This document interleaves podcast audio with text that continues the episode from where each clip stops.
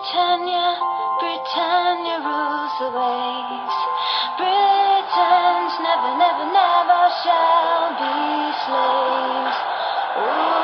Britannia, Britannia rules the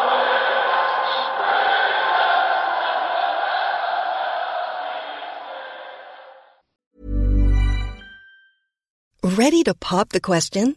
The jewelers at BlueNile.com have got sparkle down to a science with beautiful lab grown diamonds worthy of your most brilliant moments. Their lab grown diamonds are independently graded and guaranteed identical to natural diamonds, and they're ready to ship to your door. Go to BlueNile.com and use promo code LISTEN to get $50 off your purchase of $500 or more. That's code LISTEN at BlueNile.com for $50 off. BlueNile.com code LISTEN.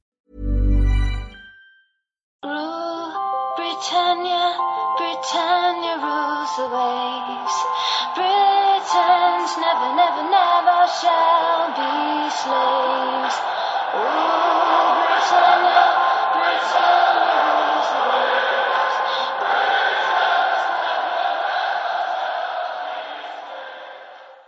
Hej och välkomna till Svenska FPL-podden avsnitt 102.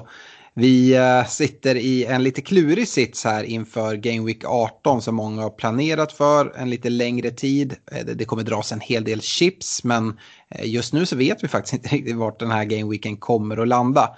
Vi ska prata lite om det här idag. Vi spelar in torsdagen den 7 januari och Agendan för dagen är att vi kommer fortsätta med den nya laggenomgången, det vill säga fokus på sex matcher istället för alla tio som vi har valt ut och vi kommer även prata lite kort om övriga matcher som har spelats och de övriga lagen. Vi kommer ha en veckans diskussion som djupdyker just i Game Week 18. Det finns en hel del olika chipstrategier. Ska man använda chips överhuvudtaget? Free hit, wildcard och så vidare. Vi kommer inte ha några veckans rekommendationer den här veckan och det handlar mycket om den här diskussionen som vi har. Free hit kommer ju gå på de korta rekommendationerna eh, versus wildcard då vi pratar mer spelare man vill ha på lite längre sikt. Däremot kommer vi ha en kaptensdiskussion för Game Week 18 som vanligt och vi kommer att avsluta med era lyssnarfrågor. Stort tack till Olka Sportresor, Unisportstore.se och Glenn Sportsbar som ser till att vi har så fina priser i poddligan. Och med det så hoppar vi rätt in i laggenomgången och eh, Stefan, du kan börja och ta oss igenom Chelsea City 1-3. Yes, och eh, vi får ju se ett City som eh, kör över Chelsea eh, trots att man har en hel del avbräck, avbräck på grund av eh, Eh, covid-19. och det tycker jag imponerar och eh, jag tycker man får en allt starkare känsla av att Citys form eh, verkligen är på väg uppåt här efter en knackig inledning på säsongen, främst, främst offensivt, så har det så har det lossnat eh, lite mer här på slutet och det tillsammans med ett fördelaktigt spelschema eh, gör dem högintressanta eh, skulle jag säga. Man spelar ju både i, i Game Week 18 och har dubbel i Game Week eh, 19. Eh, Kevin De Bruyne är ju självskriven i, i mitt eh, bygge härifrån. Eh, han har fått vikariera som, som anfallare nu på, på slutet när Jesus har legat i sjuksängen och Agüero verkar ja, men, ha fortsatta problem med sin sin skada där, eller han är i alla fall inte 100% och har inte spelat speciellt mycket alls. Men jag tycker De Bruyne har gjort det bra. De få matcher vi har sett honom här som striker och, och eh, det är möjligt, nu tog han mycket poäng här mot Chelsea, men, men det är, jag tror inte att det behöver vara direkt negativt att han, att han spelar eh, striker. Just hans målhot i öppet spel kanske blir eh, än lite större än vad det har varit. Kanske eh, har lite negativ effekt på hur mycket chanser han eh, han skapar. Men, men i fantasy tycker jag att han är sjukt intressant i alla fall här, härifrån. Sen om man vill fylla upp med, vilket det finns goda anledningar att göra, så tycker jag att de två andra platserna, eh, att det är försvarsspelet som lockar mest. Eh, och då kanske med på nytt födde Stones som fortsätter eh, hålla Laporte utanför laget och, och Ja, men jag tror att han får spela så länge han gör det så här bra. Och han kostar endast 5 miljoner, så det är ju ett kap i, i fantasy när han, när han spelar. Han visar dessutom upp här mot, mot United att han, att han kan göra mål eh, ja, liksom på, på offensiva fasta situationer. Vilket såklart eh, är ytterligare positivt. Eh, han har även tagit en del bonuspoäng så att eh, han känns intressant och sen den andra platsen är väl mellan Cancelo och Diaz. Eh, jag tycker att jag håller Cancelo högst och visst han kanske har ett lite högre rotationshot men sett till eh, när han spelar så tar han mer poäng eh, och jag tycker han har haft rätt oflyt här på slutet. Han har visat jättefin form och ja, men skapar chanser hela tiden, har inte fått speciellt mycket utdelning. Diaz, där tror jag att man kan ha lite eh, lägre förväntningar på, på offensiva poäng än med Cancelo. Eh, men såklart mer given kanske. Sen tycker jag även Gündogan eh, bör nämnas som har fått eh, en mer offensiv roll i de matcher där, där De Bruyne har spelat som striker och det har mer varit av ett blivit ett rent eh, 4-3-3-spel för City positionsmässigt och då har Gündogan varit en av de två på mitten som har haft en, en mer framflyttad position. Han har även visat bra form med tre mål på de senaste fyra ligamatcherna.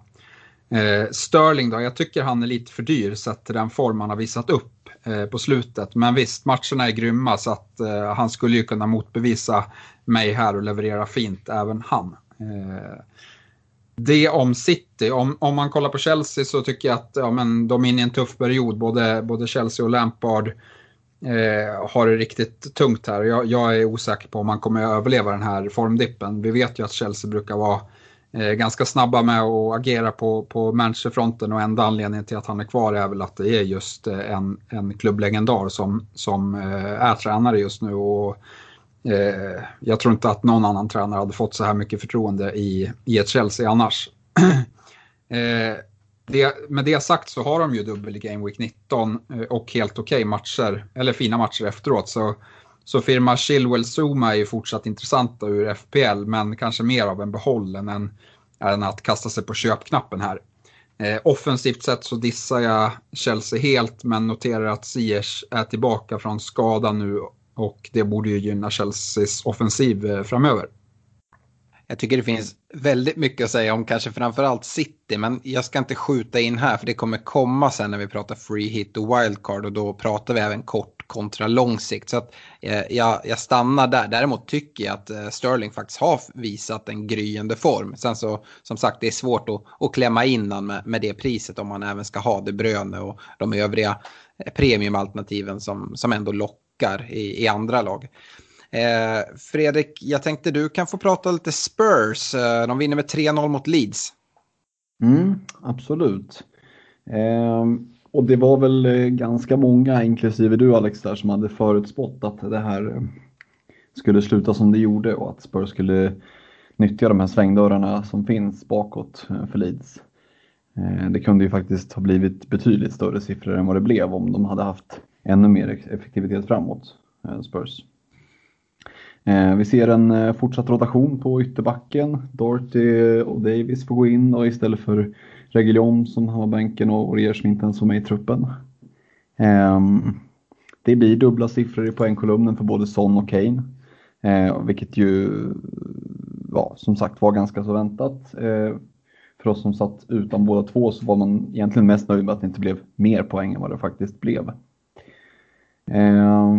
Kikar vi framöver här så är ju Spurs ganska endimensionellt fantasylag. Det är ju Son och Kane som är de två intressenterna att hålla koll på och då får man också kika lite på matcherna utifrån vilka de möter och, och utifrån deras liksom, perspektiv. Eh, jag tycker att spelschemat är under januari, februari. Liksom, man ska visserligen möta Liverpool och Chelsea hemma eh, och City borta. Men sen har man ju också en hel del intressanta matcher, speciellt här nu i ganska eh, i närtid. Eh, med eh, Sheffield United och eh, Brighton borta. Eh, och West Brom och Burnley möter man också. Så på, på, på lång sikt så är ju Son och Kane überintressanta. Eh, nu har vi ju en speciell situation med Blank Game Week i det som kommer och Double Game Week därefter. Eh, men jag tycker att de är av intresse eh, i båda de här gameweeksen, även om man har en tuff match i den blanka gameweeken och även om man bara har en, en enkel match i, i 19 så är det eh, en väldigt bra match att ha. Inte så mycket mer att säga egentligen om det än att sitter du på Son Kane tycker jag att man håller i dagsläget. Man kanske inte köper in sig. Eh, tänker jag inför 19 utan då är det väl mer efter Game Week 19 som man får se. Eh, kikar vi på Leeds så det här vilda västernspelet det gick ju inte riktigt hem här men det lär ju fortsätta. Bielsa han jobbar ju väldigt mycket med, med sitt tänk och med, väldigt, med samma elva och vi har varit inne på det lite tidigare vet jag i avsnitt olika att eh, det finns ju en ganska stor risk för att det börjar smygas in en trötthet här. Det är spelare som inte är vana att spela ett Premier League-tempo och det är samma spelare vecka ut och, och vecka in. Och med det här täta matchandet så är det väl inte helt osannolikt om de skulle börja gå sönder en efter en också. Eh, Bamford är fortfarande intressant. Eh, han är ju den som, som gör målen där uppe på topp. Så att sitter man på honom sitter man ju lugnt kvar. Eh, Rafinha är värd att nämna i och med att han har en, kanske inte så mycket i den här matchen, men generellt sett en väldigt hög utgångsposition och fyller på mycket in i straffområdet. Eh, så där är det ju någonting att hålla ögonen på för en lite mer eh, billigare mittfältare. Eh, och sen så är det ju omöjligt att inte nämna Stuart Dallas som är över hela plan. I den här matchen så är han lite överallt. Eh, på gott och ont ska väl sägas i för Leeds del. Men som, som fantasy-tillgång så, så är det ju alltid spännande och det kan ju man vet aldrig när det kommer en, en offensiv return på honom. Eh, kikar vi här framöver på Leeds så har de ju en blank i 18 så det är inte så mycket att säga om. Eh, men en väldigt, väldigt fin dubbel i 19 med Brighton Southampton hemma. Så att till 19 eh, så vill man ju nog ladda upp med ett antal leads-tillgångar. Eh, eh, men närmsta nu Game Week 18 så är det ju en blank. Ja, man kan väl säga det om Leeds. De är inte vana med Premier League-tempo. Däremot är de vana med Championship-tempo där det är ännu fler matcher. Så det är de nog vana vid. Men det har vi sett även när de spelar Championship. Att de kommer in i sådana här svackor. Och ju längre säsongen går så finns det en ganska stor risk att de är rätt tröttkörda. Och att eh, resultaten påverkas negativt av den anledningen då såklart. Ja, men precis. Och så tänker jag också i Premier League så är det ju lite fler maxlöpningar. I Championship är det ju mer ett tuggande och det, mm. Det, du är liksom en maskin som nöter och sådär. Men medans, och det du skadar dig på ofta är ju maxlöpningar snarare än, än att liksom nöta. Det är, det, är få, det är få som drar sig på ett beep-test snarare än på en sprint. Så mm. tänker jag. Ja, absolut. Det är, ju, det är ju väldigt högt tempo i Championship också. Det är bara att de kanske inte riktigt klarar av det höga tempot i alla, i alla lägen. Ja, nej, eh, just Spurs, de, de ska ju möta Villa här i, i Game Week 18, men det är ju lite oklart vad som kommer hända där. Jag ska prata Villa nu, för eh, United vann mot Villa med 2-1 och, och Villas träningsanläggning den är ju faktiskt stängd just nu på grund av covid. Vi vet inte så mycket mer. Eh, jag tänkte börja prata United i alla fall för att sen gå in på Villa. Och om vi börjar med Manchester United så men både United och Villa är två av de lag som, som nu har både match i Game Week 18 och eh, Double Game Week 19. Alltså de har eh, dubbel i 19 och, och har match i 18 eh, som det ser ut enligt plan. Så därför är ju båda lagen väldigt intressanta oavsett vad man sitter med för plan med, med chips eller inte chips. Eh, men United då, ja, eh, vi har varit inne på det tidigare, bortaplan. Eh, det är ju det United har varit allra bäst på. Nu mötte de Villa hemma här, men kollar man framåt så kommande tre matcher för United, de är faktiskt eh, inplanerade på bortaplan. Både eh, Game Week 18 och båda i 19. Och när vi pratar bortaplan då ska vi absolut prata Bruno som jag tycker är en fullständig no-brainer att ha i sitt lag. Både här i 18, 19 och framåt dessutom. Eh, han har nu passerat en ägarandel på 50 procent. och sen han kom till Premier League så har han 14 dubbelsiffriga fantasyomgångar. Och det går att jämföra med, med Son på 9, eh, en uppsjö där med Sa eh, Salah, Kane, Vardy, Kevin De Bruyne och Sterling sitter på 7. så att men, som han har presterat, jag kan inte komma på någon spelare som har kommit till Premier League och bara tagit det med storm så pass snabbt. Eh, dessutom en januarivärvning. Eh, så att eh, äh, Bruno imponerar verkligen. Men en annan spelare som jag tycker man kan öppna upp ögonen för lite mer om man nu vill eh, gå lite mer in i United. Det är eh, Rashford som också står som mittfältare. Och precis som Bruno så gynnas faktiskt även han av bortaplan. Eh, på nio, nio hemmamatcher den här säsongen så har det blivit ett mål och noll ass. Om man kollar på, på de sex bortamatcherna som har spelats så har det blivit sex plus fyra. Eh, och även hans expected-siffror följer med. Jag tycker att Rush visar en del tendenser och eh, ja, det kan vara ett läge att eh, även plocka in Rashford om man har utrymme för det på sitt mittfält. Det som eh, kan eh, tala lite emot det, det är att vi har fått sett Pogba i en ny roll offensivt ut till vänster där eh, Rashford tidigare har huserat. Och det gör ju att Rashford, Rashford får kliva över på högerkanten. Eh, normalt sett så är inte det någonting jag gillar. Eh, men han har gjort det helt okej okay där också. Nu har vi sett det både i ligacupmatchen och sen i, eh, i matchen mot Villa i ligan. Pogba har sett väldigt bra ut i den rollen också. Så ja, det är ganska stor chans eller risk beroende på hur man ser det att det kommer fortsätta så ett tag till. Pogba som ett fantasyalternativ. Ja, det är en rejäl outsider och han är billigare än Rashford. Eh, men jag är inte riktigt eh, redo att kliva på där på samma sätt som jag känner mig mer trygg med Rashford. Eh, är det som Cavani, han fick ju som väntat den här tre matchers långa avstängningen på grund av sitt inlägg på sociala medier. Men det man ska veta är att av de tre matcherna så var det bara den här Premier League-matchen mot Villa som han missar. För eh, han tjänade en match här i liga semin mot eh, City och eh, när Watford möts nu i helgen i FA-cupen så, så är det sista matchen. Så han är tillbaka här till matchen mot Burnley 18. och sen så noterar jag även att Harry Maguire är ett gult kort ifrån avstängning. Så där bör man vara lite försiktig om man inte eh, bara tar in någon på en free hit här för, för 18. Eh, Villa då, ja jag var inne på träningsanläggningen, den är stängd och eh, eh, det har inte kommunicerats någonting. Vi vet inte vilka spelare eller ledare det är som har, har drabbats av covid. Men eh, någonting om massive outbreak och det låter, det låter inte superbra. Eh, vi får se vad som händer, både med deras eh, match här i 18.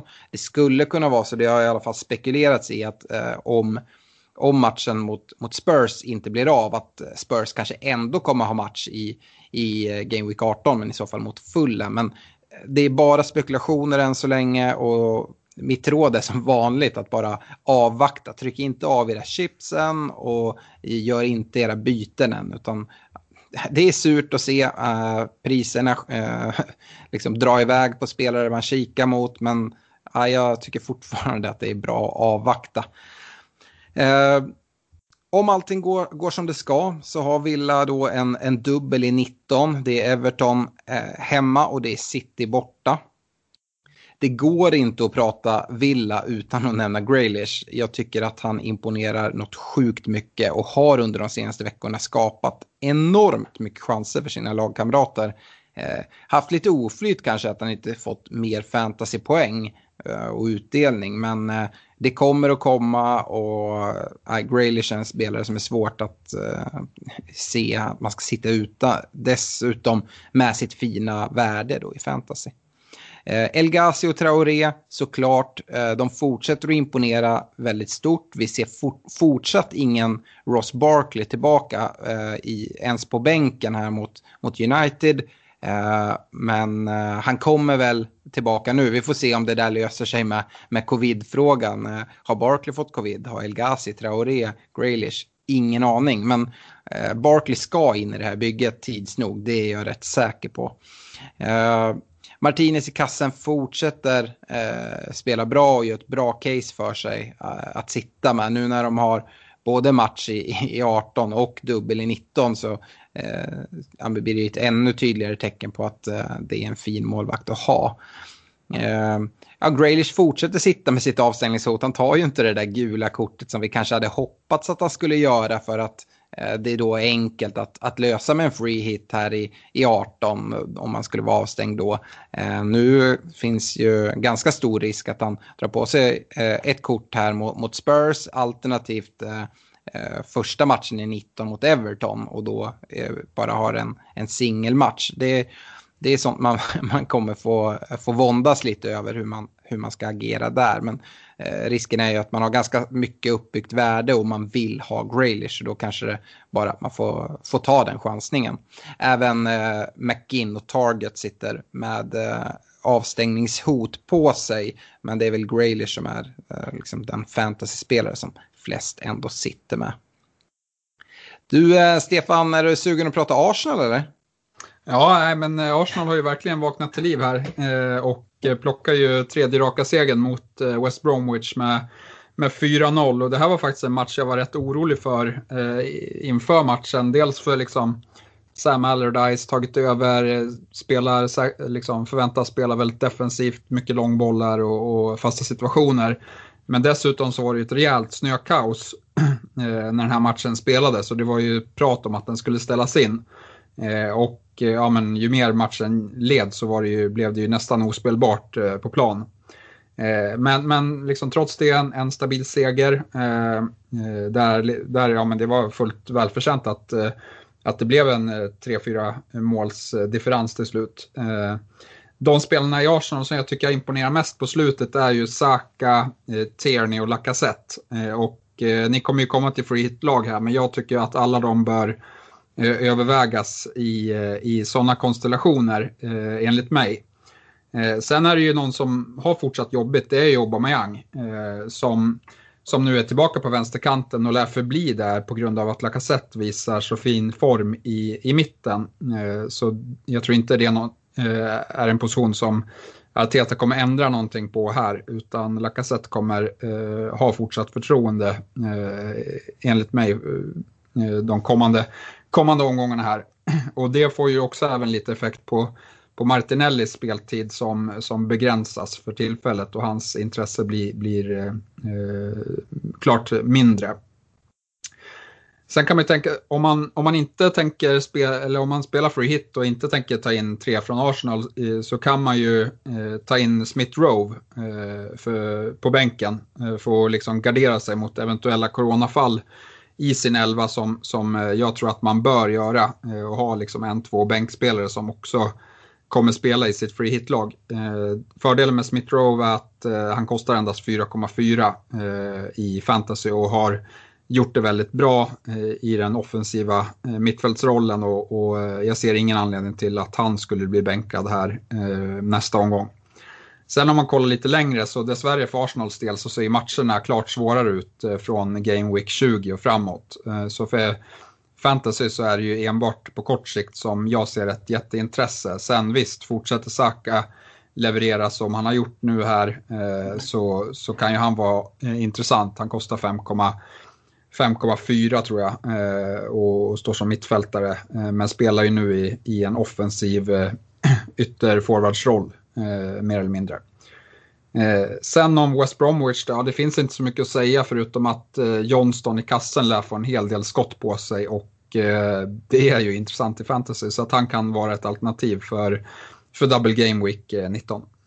Eh, gällande Auba där, Stefan, eh, ser du någon risk för att han eh, kan få bli bänkad till förmån för, för Martinelli eller kommer Arteta spela honom tills han hittar form?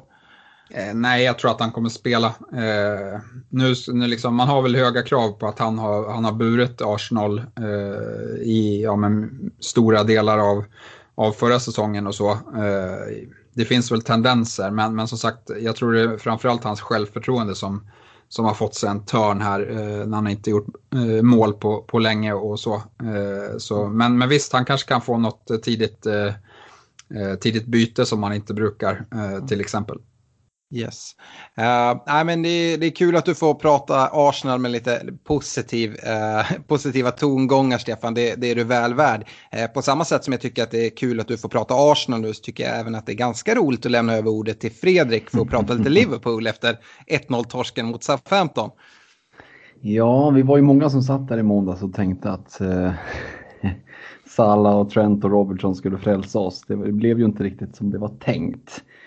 Eh, matchen slutar ju 1-0 till Southampton. Ganska ja, välförtjänt, eller vad man nu ska säga. Det är en icke-match på många sätt med tanke på eh, det tidiga målet som blev. Det satte ju liksom tonen för att Southampton var nöjda och Liverpool hade inte varken förmåga eller humör att eh, göra något åt det.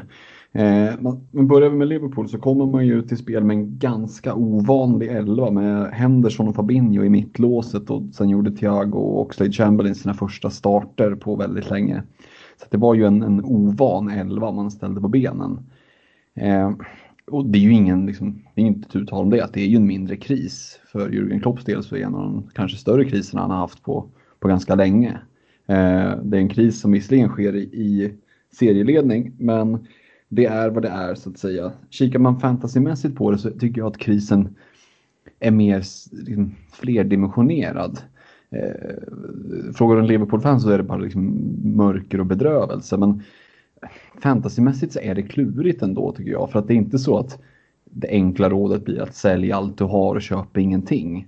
Eh, Liverpool har ändå alltså, såklart eh, en, en blank nu i 18 men en, en fin dubbel i 19 och, och bara vaska alla alla Liverpool-tillgångar man har inför 19, det kan ju straffa sig rätt så rejält. Det är ändå ett grund och botten ett väldigt bra lag. Ehm, så jag skulle nog vilja mana till lite lugn där. Sen så är det klart att eh, ser det lika illa ut i Game Week 19 då kommer jag också att titta på och avyttra de eh, Liverpool-tillgångar man sitter på. Men jag tror att man ska vila lite på hanen där. Kikar vi på backarna Trent och Robertson så skiljer de sig väldigt mycket åt. Trent gör ju sin förmodligen sämsta insats någonsin i en Liverpool-tröja eh, och slog massa bottenrekord och var ju totalt urusel. Eh, Jörgen Klopp gick ju ut här nu, om det var i, i dag när vi spelar in, och sa att Trent har ju haft eh, covid-19 under 2020 och att han eventuellt fortfarande på, är lite påverkad av det, att han inte är helt tillbaka. Vi får väl se om han kommer upp i, i någon form av normal form igen. Eh, kollegan på andra sidan Robertson där är väl en av de få som försöker och är ganska involverad i det lilla som Liverpool ändå skapar. Det är ju han och Mané som, som på något sätt är någorlunda nära att eh, ta offensiva poäng även om det aldrig blir riktigt, riktigt eh, brännhett. Eh, man ska ju planerat i alla fall möta nu Aston Villa då, eh, imorgon när vi spelar in, eh, fredag i FA-cupen. Nu såg jag precis när vi, när vi eh, sitter och spelar in här att Aston Villa har släppt ett Twittermeddelande där man skriver att man arbetar tillsammans med FA för att kunna genomföra matchen imorgon. Så vi får väl se vad det blir. Eh, kan man göra det utan att det påverkar ytterligare så borde man ju kunna spela Villa Spurs i Game Week 18. Det är väl bara att återstå och, och hålla koll på läget ända fram till, till deadline helt enkelt i uttalandet tror jag även att de pratade en del om att det mer eller mindre kommer vara ett U23-lag. Eh, om jag inte har helt fel för mig. Eh, mm. Så eh, jag vet inte om de är så sugna att spela Premier League-matcher på det sättet. Men det kanske, ja, om man nu väljer att gå vidare med det här. Men det är jättesvårt att säga. Men det kommer vara en rejält försvagad Villa, Villa 11 i alla fall. Så kommer, så kommer det ju vara i så fall, helt klart. Mm. Sen är frågan vad, vad, Liverpool i så fall ställer upp med om, om Klopp väljer att skicka ut samma manskap för att för att de ska få tillbaka lite självförtroende eller om han väljer att spela fjunisarna. Mm. Ehm, um, kikar man lite hur, uh, hur Liverpools schema då ser ut så är det en ganska blandad kompott. Alltså vi har ju blank Game Week 18 och så har vi en fin dubbel i 19. Sen har vi en jättetuff match i Spurs då, uh, i Game Week 20. Efter det sen februari-mars, ja det, det, är inget jätteschema men det är svårt också att prata spelschema på lag som Liverpool och City för att det är ju inte så att du bänkar en, en, eh, en Sala bara för att han har en svår match. Eh, det handlar ju snarare om att du kanske inte sätter kaptensbindeln där. Eh, så att spelschemat ser väl sådär ut. Det är liksom game by game bedömning. Ja. Kikar vi med Southampton då så kan vi ju notera att Danny Ings var tillbaka från start medan kollegan Shay, Shay Adams han missar matchen och det är väl inte jättechockerande efter vad som hände i, i föregående match när han att han ens har huvudet kvar på kroppen får han väl vara tacksam för eh, i den incident som väl passerade helt. Eh, inte ens VAR plockade väl upp att han höll på att få huvudet avsparkat. Sanslöst. Ja, det är helt sanslöst. Den domarinsatsen var ju ungefär på samma nivå som i den här matchen. Eh, det var också fanns en del situationer där Southampton hade kunnat åka på en straff bakåt eller eh, ett rött kort här för, för eh, Theo Walcott eller så. Men man klarar sig undan det och eh, ska inte skämmas för de här tre poängen på något sätt. Man är ju ett, ett bra lag. Eh, Hasselhüttel har ju fått till det här väldigt, väldigt eh, bra. Det finns väldigt mycket spännande fantasyvärde i laget. Eh, vi ser att eh, Karl-Åke Walker Peters och Bednarek fortsätter att leverera eh, i försvaret. Tredje raka nollan. Poängen bara forsar in. Ehm, och Walker, säga, ehm, James Ward Prowse kommer ju undan där med en assist också. Värt att nämna eftersom det säkert är en hel del som har sneglat på eller plockat in honom. Eh, kikar vi framöver så blankar man ju 18 så det är ju vad det är. Men har ju en, en ganska fin dubbel där i 19. Om än på bortaplan så är det Leeds och Leicester. Men det skulle nog kunna passa rätt bra. Och jag tror att en sån som Danny Ings till Game Week 19 skulle kunna vara eh, ett riktigt fynd. Sen eh, har man ju ett småknepigt spelschema i februari och eh, det kanske inte är så att man öser in några, några Southampton-tillgångar då. Eh, men sen ser det väldigt bra ut i mars efter det, så det gäller att hålla lite koll på, på schemat där. Men de man sitter med håller man ju såklart om de spelar. Yes. Du eh, Fredrik, du pratar väldigt mycket om Liverpools eh, jättefina dubbel i 19. Det är ju United som möts där och blir lite av en, en seriefinal. Eh, mm. Hur ser du den? Jag tänker, du pratar väldigt lite Sala eh, nu i mm. Liverpool-genomgången. Det är hans tredje raka blank nu och det är många som har suttit med binden på honom ja, men alla tre matcher egentligen. Hur, hur tänker man där? Ja, men jag tänker så här att det, det Liverpool behöver just nu det är ju en match mot eh, ett storlag. Det är inte ytterligare en match mot ett West Brom som parkerar bussen eller så, utan man behöver ju en match där, där spelarna kan tända till. För att jag tycker att det finns lite, lite motivationsproblem och lite, lite inställningsfrågor och då, tog, då tror jag att en sån match mot Manchester United kan vara eh, en bra väckarklocka för att det inte ska bli eh, händelsefattigt. Sen att om man, om man vinner den eller tar poäng, det är en helt annan sak.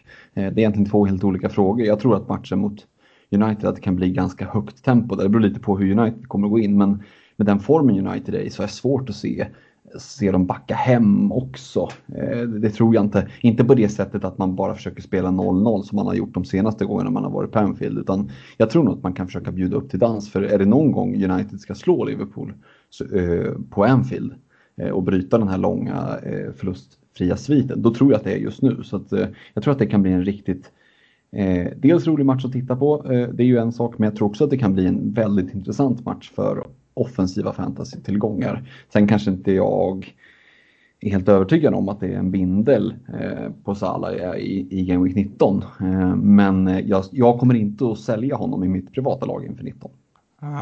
Nej, eh, det är jättesvårt där tycker jag. Eh, jag tror absolut eh, inte United kommer gå dit för någon 0-0. Men sen så vad det betyder. Jag tror ju att United kommer ta sig an den här matchen som de egentligen har tagit sig an alla borta matcher och kanske framförallt mot, mot, mot andra topp, topplag. Att det kommer vara omställningsspel.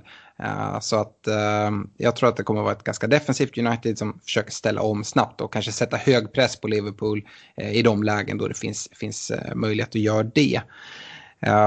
det, som, det som är det svåra det att säga att ja, men, det är inte läge att sälja alla sina Liverpool-tillgångar. Det kan jag väl hålla med om. men som sagt, spelschemat är, är helt okej okay för Liverpool. Men det är många som sitter ganska tunt på City och det är en ganska mm. enkel väg in. Nu City sitter ju med liksom, ja, men, match nu i Game Week 18 som Liverpool inte har, de, som är hemma mot Brighton. Dessutom om vi tycker att eh, Liverpools eh, hemma eh, hemmamatcher här mot United och Burnley i Game 19 är bra. Då ska City möta eh, Palace och Villa hemma. Eh, och sen dessutom så fortsätter spelschemat att bli liksom larvigt bra även efter Game Week 19. Så det är väl därför många kollar och sälja eller kanske mer växla över eh, från tungt i Liverpool till in med tre gubbar från City. Ja men så är det och sitter du utan De Bruyne då är det ju då är det inte så mycket att snacka om. Då växlar du ju det ganska ja. snabbt. Ja, nej, det, det är svårt. Vi, vi, kommer nog få anledning att återkomma till det här eh, i, eh, i veckans diskussion. Jag ska prata lite Everton-West Ham och eh, West Ham vinner den matchen med, med 0-1. Och varför inte börja i West Ham och eh, prata den här fantastiska checken. Det är Zuzek jag pratar om. Igen så är han målskytt och med tre nya fina bonus. Cresswell står för sin sjätte assist och mest av alla försvarare i Premier League. Eh, jag tycker att Zuzek, det är många som har, har suttit och våndats lite över att man har honom, man har eh, hans poäng på bänken lite hela tiden. Eh, för mig tycker jag att man bänkar inte Zuzek. Eh, eh, jag, jag spelar honom mer eller mindre hela tiden och det handlar dels om hur bra jag tycker han är, men framförallt egentligen vilken match West Ham än spelar så tycker jag Zuzek har goda chanser till poäng. Eh, så för mig så är ju ja, men Watkins är väl min, min tredje anfallare. Så jag, för mig går ju Zuzek före en spelare som Watkins alla dagar i veckan eh, till exempel. Även om West Ham skulle ha en lite, lite tuffare match. Eh, Zuzek tycker jag är fantastisk och det är väl det som liksom är motdraget. Stefan nämnde Saka som ett bra liksom, budget mittfältsalternativ och jag gillar Saka jättemycket. Problemet är väl att man kanske inte har en, en uppställning där man har Eh, både Zuzek och, och Saka på mitten tillsammans med sina, sina dyra utan kanske snarare att det är en Graylish som har fjärde mittfältsrollen. Och, och då är det svårt för att eh, som sagt jag ser ingen anledning att, att växla bort Zuzek i det här läget. Eh, pratar vi mer West Ham så eh, får vi se Balbuena bänkad andra matchen i rad. Trots att jag inte tycker att Dawson imponerar. Och det är ju just nämnde Dawson som skickar den här sparken i huvudet på Shea Adams som borde ha renderat i ett rött kort. Och då hade det ju löst sig för, för Balbuena. Jag vet att det är många som har plockat in Balbuena här på grund av West Hams fina eh, dubbel i, i 19. Eh, och Balbuenas eh, låga pris. Men eh, ja, eh, då sitter man lite, lite jobbigt till just nu tycker jag. Eh, en annan spelare som har haft lite jobbigt är Fabianski som, som är lårs, blir lårskadad på uppvärmningen. Uh, och får vi se när han, när han är tillbaka. Nu uh, får Randolph komma in och, och täcka upp för Fabianski. Uh, Randolph är en helt okej okay målvakt och prisad 4,4. Man hade väl gärna sett han ligga i 4,0-spannet snarare. Men, eh, och jag tycker inte att det är läge att vända sig till, till Randolph om man nu eh, vill ha in en, en, en bra målvakt. Det, det, tycker jag faktiskt inte. Eh, någon, det däremot är läge att vändas till och det vet väl alla som har lyssnat på den här podden. Det är ju Sofall. Han är åter i elvan här i den för många väldigt jobbiga Game Week 16 då det var svårt att få ihop lag, då vilades han tyvärr. Eh, men det finns ju två sätt att se den vilan på. Eh, nu har han fått vilan och kanske är redo för att spela ännu mer. Dessutom så Fredrik som har, har eh, fått gå in och, och stjäla lite speltid från Sofall. Eh, han, det senaste jag läste var att han sitter i självisolering nu. Eh, och så länge han gör det så är Sofalls startplats ännu mer given. Eh, jag tycker inte man behöver vara alltför orolig inför Game Week 19 att så fall eh, ska, ska vila. Sen finns den risken såklart alltid med, med tajt spelschema. Eh, vi kan även se att eh, Antonio är på väg tillbaka. Eh, han satt på bänk i, i den här matchen och eh, Mois var ute och sa att eh, han är inte riktigt redo att starta matchen än men eh, är på god väg att komma tillbaka. Vi fick se Sebastian Haller med en sjunde raka start. Däremot så eh, läste jag från Fabrice Romano idag att han klarat läkarundersökningen och att eh, en övergång till Ajax här i januari eh, mer eller mindre redan är klar. Eh, vi får väl se där. Det gör ju att West Ham ser lite tunna ut på anfallssidan och eh, den, den stora, eh, Eh, den stora eh, risken eller vad jag tror kommer hända är ju att West Ham kommer ta in en till anfallare. Det känns eh, lite oklart att förlita sig på en skadeförföljd Antonio som enda anfallare. Det har ryktats om att ta tillbaka Felipe Andersson från, från lån. Men det är ju ändå inte en striker tycker jag. Så att, jag tror att det ska plockas in något. Vi får väl se vad, vart allt det landar i. Eh, om vi går över till Everton så ser vi Calvert Lewin eh, med en blank och Eh, det är hans femte raka match utan mål och jag förstår att det är tålamodsprövande att, att sitta med honom i laget. Eh, däremot så kan det nog vi nog se en ljusning nu. Eh, vi ser Hames som är eh, åter i truppen här, sitter på bänken. Förväntar mig att han kommer spela här i, Game Week 18 om det inte eh, händer någon, någon setback där.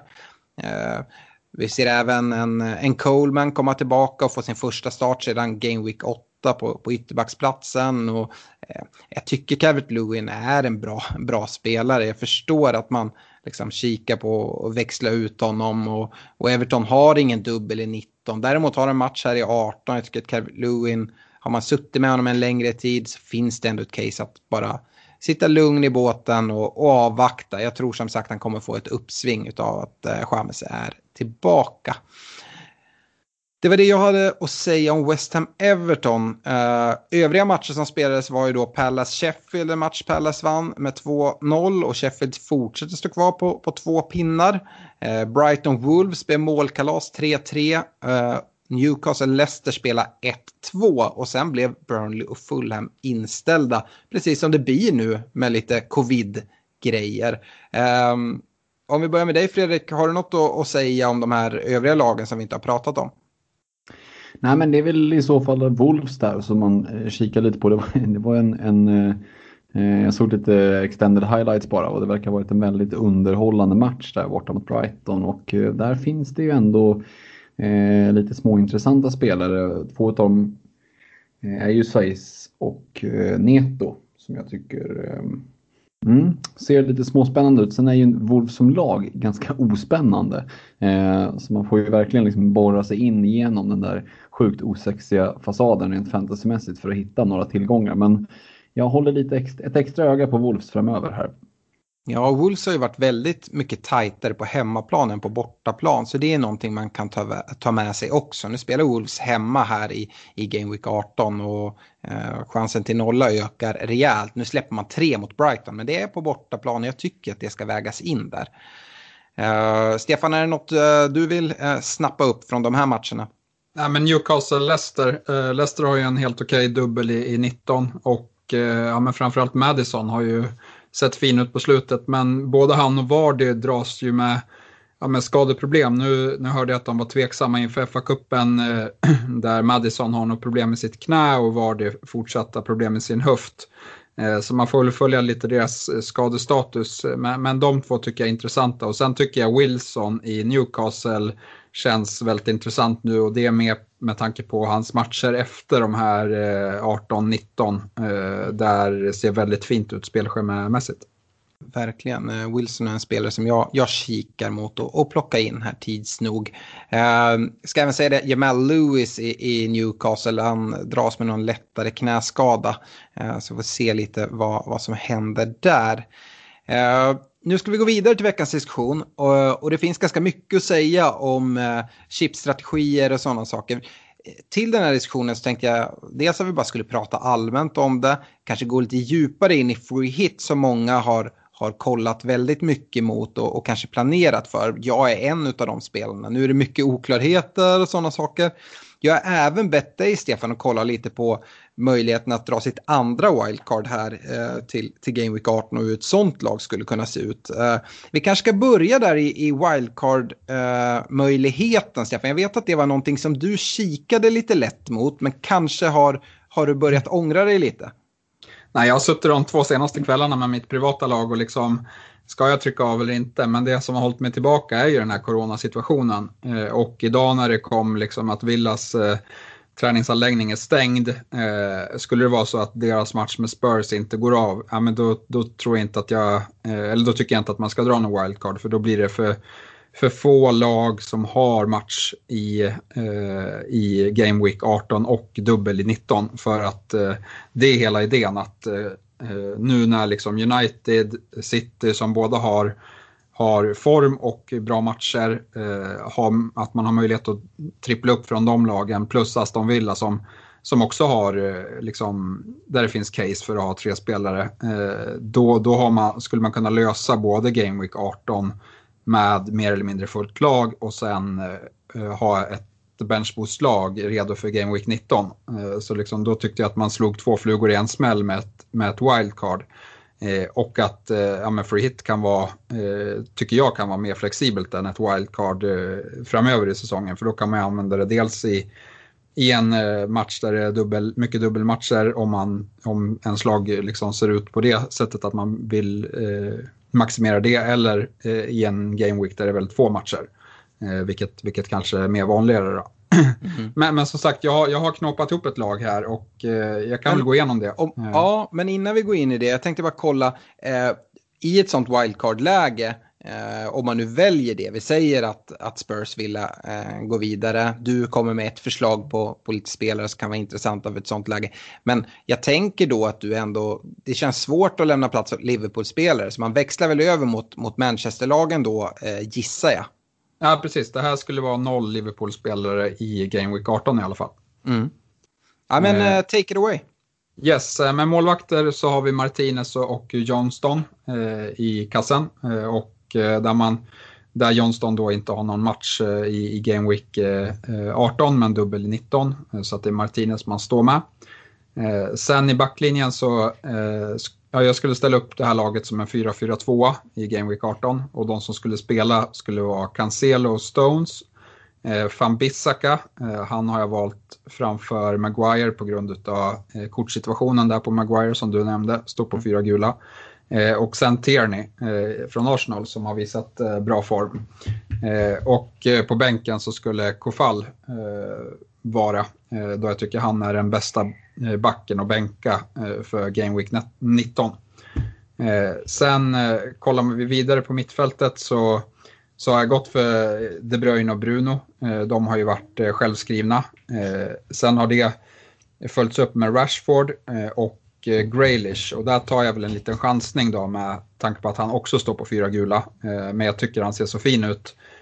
Och det finns väl ett case för att man istället kan gå för El Ghazi som har ja, men sett eh, jätte, jättefin ut här de eh, senaste omgångarna. Eh, och att man spar nästan 2 miljoner på på ett sånt byte. Och det kan man väl även ta. Jag har ju använt min budget på mitt privata lag. Det är kanske inte säkert att man har råd med just det här laget då.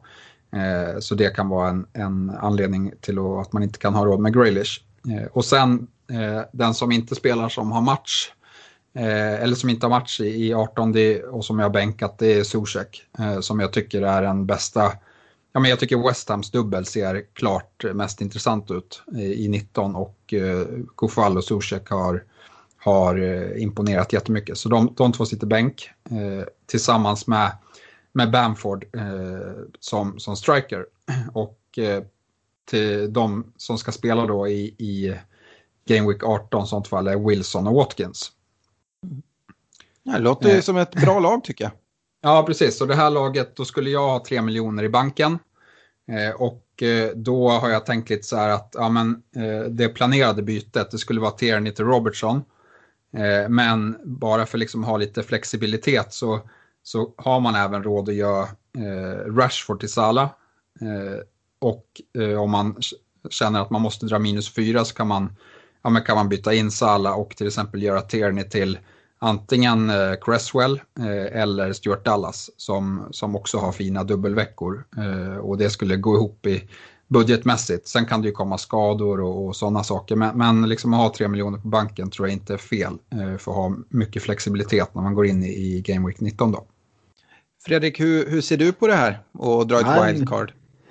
Ja, det är inte aktuellt för min del rent privat utifrån att jag i mitt privata lag där, där eh, jag liksom är lite fast i free hit eh, rävsaxen.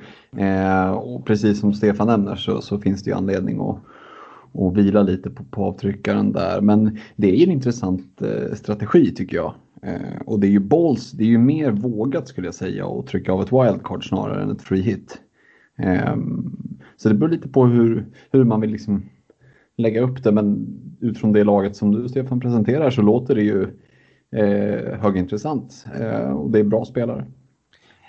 Den, den risk som, som alla lider här med både wildcard free hit inför eh, 18 det är ju att det, vi har sett det tidigare i säsongen. Det kan ju mycket väl vara så att man tripplar upp i något lag och sen blir den matchen inte av och det får vi reda på först efter deadline.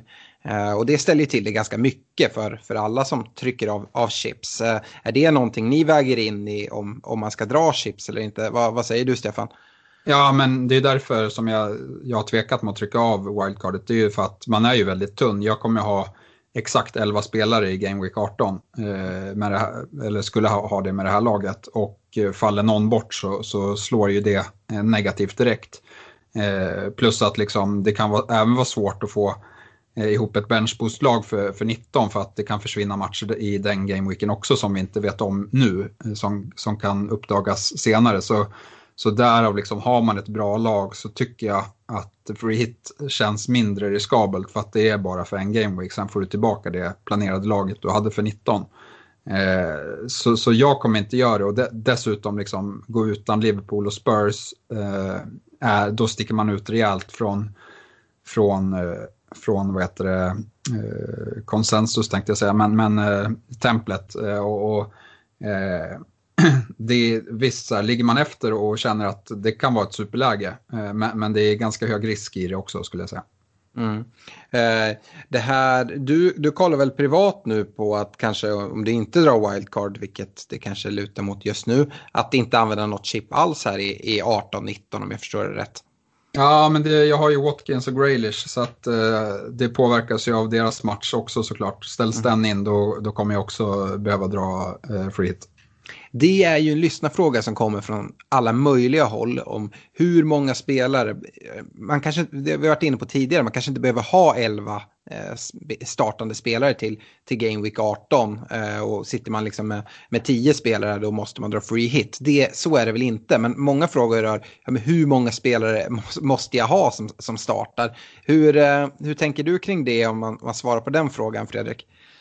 Jag tänker att den är lite mer komplicerad än att bara se ett antal. För jag har sett, jag har sett den frågan och, och den, har, den florerar ganska mycket på typ Twitter och sådär också eh, i, i fantasy-communityt. Och folk är väldigt låsta vid exakt hur många. Men om jag har sju, men om jag gör två byten och får in två till och nio, då är det lugnt. Ja, men om de nio du har då, är tre utav dem liksom knappt spelande bänkspelare där Ian Brewster är den bästa ungefär. Ja, men då kanske det inte är ett så himla starkt lag ändå med jämfört med någon som har åtta spelare men som är åtta starka. Eh, så att lika mycket som hur många är det skulle jag välja att titta på vilka är det. Eh, och, och, och liksom sen efter det så blir ju följdfrågan hur mycket tror jag att jag kommer att tappa eventuellt mot, för det är fortfarande så att om någon säger att ah, men jag har ju nio spelare som kommer att spela så det, det känns rätt lugnt. Och, men det är ju inte nio spelare som är handplockade för eh, Game Week 18, vilket vi som har free hit kommer att plocka ut. Även om det kan se lite olika ut så har vi ju, vi som drar free hit kommer ju ändå liksom att vi kommer ju att specialdesigna ett lag för just den här gameweeken. Så risken är ju att om du står där med, med ett eh, lite halvblekt lag och där du inte ens får upp, får upp fullt, att du tappar ganska rejält. Eh, och det är därför som jag mot alla rekommendationer redan har tryckt av det här chippet. Mm. Ja, sen sitter man ju å andra sidan, man kanske kan ta en lite sämre game week här. Uh, även om man specialdesignar eh, 11 spelare eller till och med 15 spelare för en, en free hit uh, så är det inte superenkelt att se till att ta någon monsterscore för det. Uh, det vet vi alla, man gör ordning sin, sin game week 1 där och man i, i, stort sett är i ett sånt läge. även om man lägger planen längre än för, för en game week. Så det är ganska svårt att, att sätta de här monsterscorerna. Så att Nej, det, jag tycker det är svårt. Eh, du är inne på helt rätt sak tycker jag. Sett till att det gäller att ha rätt spelare snarare än att ha 11 eller 10 eller 9. Uh, eh, vilka spelare är rätt då? Jag tänker Bruno, uh, De Bruyne, kanske en City-försvarare. Är det några andra sådär som också bör vara med då? Nej, men för min del spontant, om jag hade suttit i en situation där jag hade känt att det hade varit det hade kan ha varit möjligt att inte spela Eh, ett chip, till exempel då free hit. Då hade jag snarare, för att de allra flesta sitter ju med heavy hitters, alltså liksom bra tunga spelare eh, som De Bruyne och, och Bruno. Jag hade snarare tittat på mina eh, kom, komplementspelare. Spelar de? Är det de som gör att jag får ihop ett fullt lag eller är det så jag hade kikat mer egentligen på mina budgetspelare snarare än kanske på de heavy hitters som man har. Mm.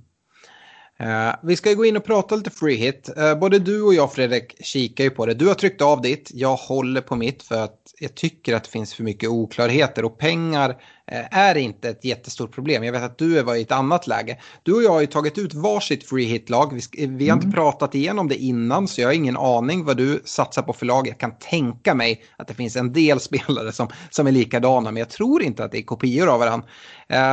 Om vi börjar innan vi presenterar vårt free hit-lag eh, så finns det väl mycket snack om det här. Eh, eh, och jag tänkte se, hur, hur tänker du Stefan, du som inte har tagit ett free hit-lag nu, men vissa tänker så här, ja, men nu är det ett free hit-lag jag drar, jag ska vara lite extra modig på att plocka in differentials. Är det någonting du tycker att man ska göra eller ska man bara gå på att försöka, alltså oavsett ägarandel, att få ihop det lag som man verkligen tror kommer ta mest poäng? Uh, det kanske låter som en ledande fråga men uh, jag tycker inte att svaret är självklart. Nej, jag hade försökt, uh, jag hade skitit fullständigt i ägarandelar, bara gått på dem jag tror mest på. Så sen kanske det blir liksom så att ja, men om man har en plats över för en sån eller en Kane så, så kanske det får bli en spelare. Men men annars liksom, jag ser ingen anledning till att inte ta tre från City och tre från United till exempel. Och sen ladda upp med minst två från, från Arsenal. Det, det är väl det jag tror på. Ja, men jag menar det kanske handlar om att eh, ja, men, ta tre från City, men eh, att eh, våga, till exempel om man har en feeling på, du nämnde Gündogan tidigare som har sett ut att komma till, i bra positioner, att man kanske vågar gå in där istället för att gå på, ja men, om vi säger De Bruyne, Diaz, Cancelo som kanske alla sitter på som inte drar, drar free hit som försöker eh, klara den här gameweeken utan det. Ja, nej men Gundogan tycker jag absolut. Det, det står väl mellan han och en back och jag tycker väl att eh, ja, men Brighton, de brukar väl kunna spela rätt eh, ja, men, eh, rätt eh, mycket fotboll och det kan, ju, det kan ju leda till att det blir mycket mål i baken mot ett lag som sitter, tänker jag. Så att, mm. Eh, det, det, är inte fel att sitta med, med mer offensiv kraft från City än defensiv. Mm.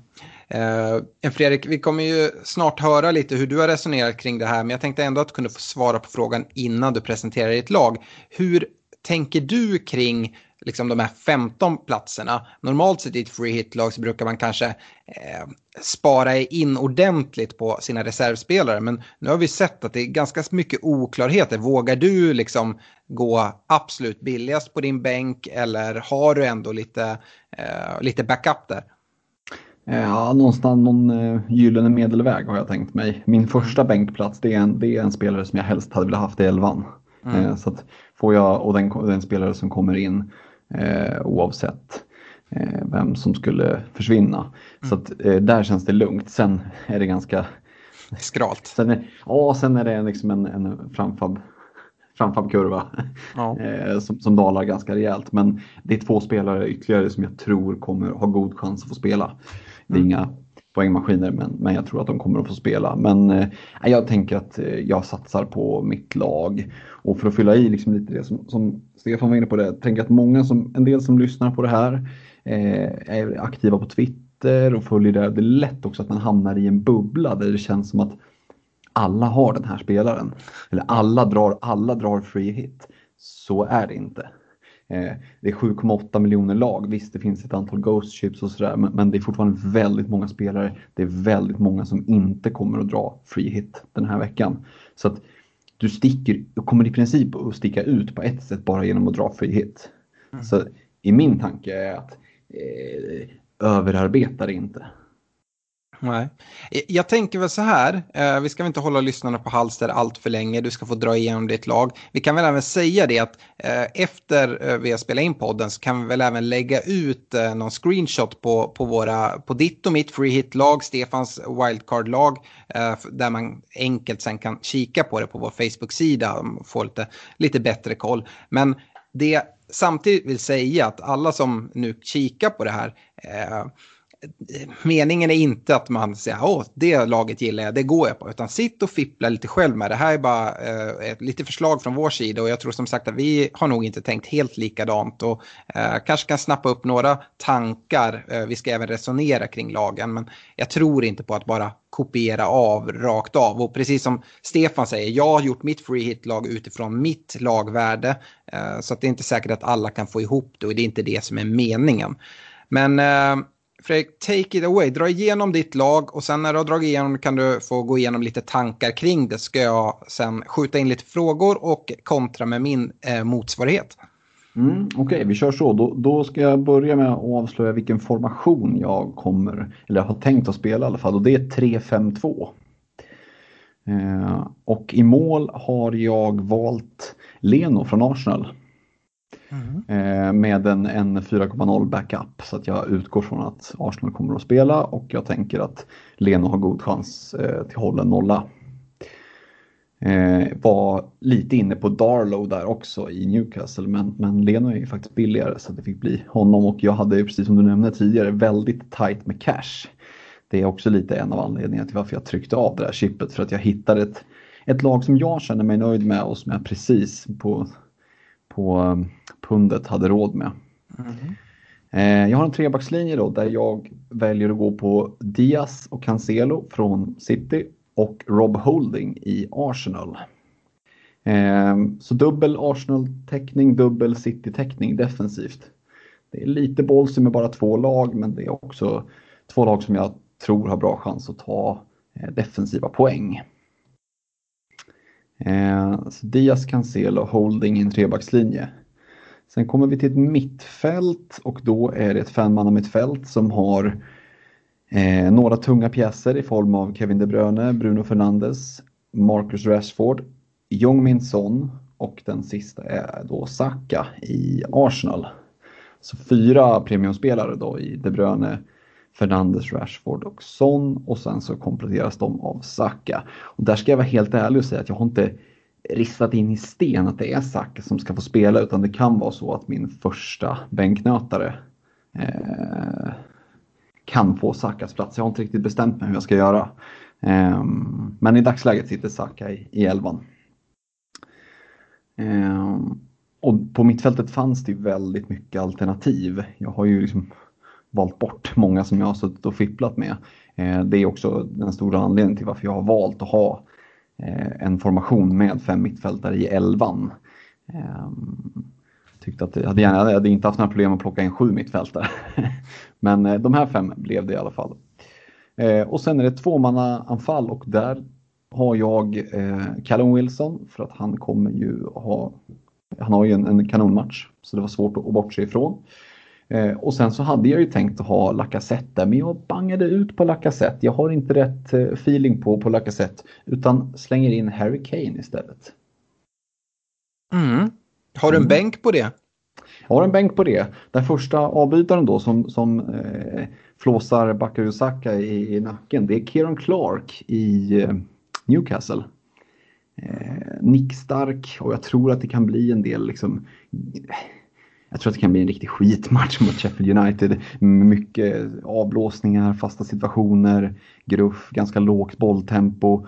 Eh, en hel del liksom, fasta, så när man väl får en fast tror jag att de kommer att försöka nyttja det. Och, och eh, Clark har ju visat sig vara rätt duktig på huvudet så att han skulle mycket väl kunna eh, kunna få en, en offensiv return likväl då som en defensiv return med tanke på att det är en bra match. Eh, och efter Clark på bänken då, förutom min 4,0 målvakt, så är det Rian Brewster och Mitchell i eh, Crystal Palace. Mm. Eh, det är ju ändå spelare som, som har match, de är billiga, mm. men kan mycket väl starta eller i alla fall få speltid båda två. Ja, nej men absolut och det har jag försökt att liksom haft som ledstjärna att det är ju inte helt orimligt som du säger med inställda matcher efter deadline och sådär. Att det ska ändå vara tre spelare som, som får spela. Men jag menar värdesmässigt så har de 4,4, 4,5, 3,9 så det är ju en ganska eh, billig bänk men ändå som spelar. Nu är jag ju väldigt nyfiken på att passa över och höra hur, hur, hur, många, hur många har du av de här Alex i ditt lag? Det är några stycken, men det glädjer mig att det skiljer åt också ganska mycket. Eh, och, men innan dess, Stefan, jag skulle vilja att du skjuter ner det här laget eller hyllar det. Ja, men jag hade inte gått för Harry Kane där, det tycker jag var fegt. Lacazette uh, har visat strålande form så han hade ju jag tagit uh, framför, framför Kane. Då. Ja, då hade han varit tvungen för att då hade det blivit fyra Arsenal-spelare så då hade ju Saka eller Holding eller Leno få, få stryka på foten också. Ja, precis. Det hade väl varit Leno då. Eh, så hade jag nog uppgraderat Holding till, till Tierney. Eh, eh, så lite små, små grejer. Men jag, jag, kommer, jag kommer också behöva kika på ett eget för hitlag här, vad det, vad det eh, verkar. Så att, eh, ja. vi får se. Eh, det låter på förhand som att du kommer gilla mitt lag något mer. Eh, men vi, vi, får se. Det här är det lag som jag har kommit fram till. Och det glädjer mig när du börjar prata målvakter. Redan där var vi olika. Jag har gått på Carl Darlow i Newcastle. Eh, jag har även just nu pengar så det räcker att ta in Sanchez från Brighton som en andra keeper. Uh, han verkar ha, ha platsen där. De ska möta City så han kommer få jättemycket skott emot sig. Uh, så skulle det vara så att någonting händer med, med att Darlow sträcker sig på uppvärmning och sådana saker. Då kan jag spela Sanchez. Sen så kommer det säkert ske prisjusteringar och då har jag inga problem att ta in en 4,0 målvakt om så skulle vara fallet. Uh, jag precis som du valt att gå på en 3-5-2 historia. Men mm. jag har lite andra backar. Eh, jag har gått på Tierney i Arsenal. Jag tycker så här, eh, i ett free hit-lag, då vill jag ha eh, försvarare som såklart har goda chanser på nollor, men även med ett mycket högre tak. Och jag ser Tierney versus Holding. Nu fick Holding assist senaste, men det var ju bara på grund av att Tierney hade lite lekstuga och, och gjorde mål. Det var inte en öppnande pass så att säga.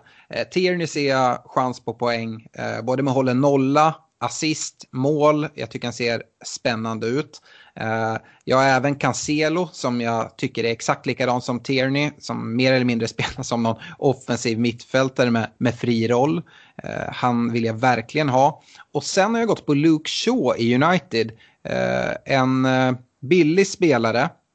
Eh, som absolut finns rotationsrisk från eh, Tellis. Men eh, jag tycker Shaw har gjort det bra. Han tar fasta situationer, både hörnor, frisparkar, Men faktiskt väldigt bra leverans, vilket dels då ger eh, bra chans till bonus, men eh, jag tror även Uniteds chans på nolla mot Burnley är ganska stor. Så det gillar jag. Eh, om det här kommer bli så, det kommer nog avgöras lite när vi får se hur United ställer upp i FA-cupen mot Watford i helgen. Men jag tror att det är Tellis som kommer starta då och då känner jag mig hur trygg som helst med att spela så som min tredje back.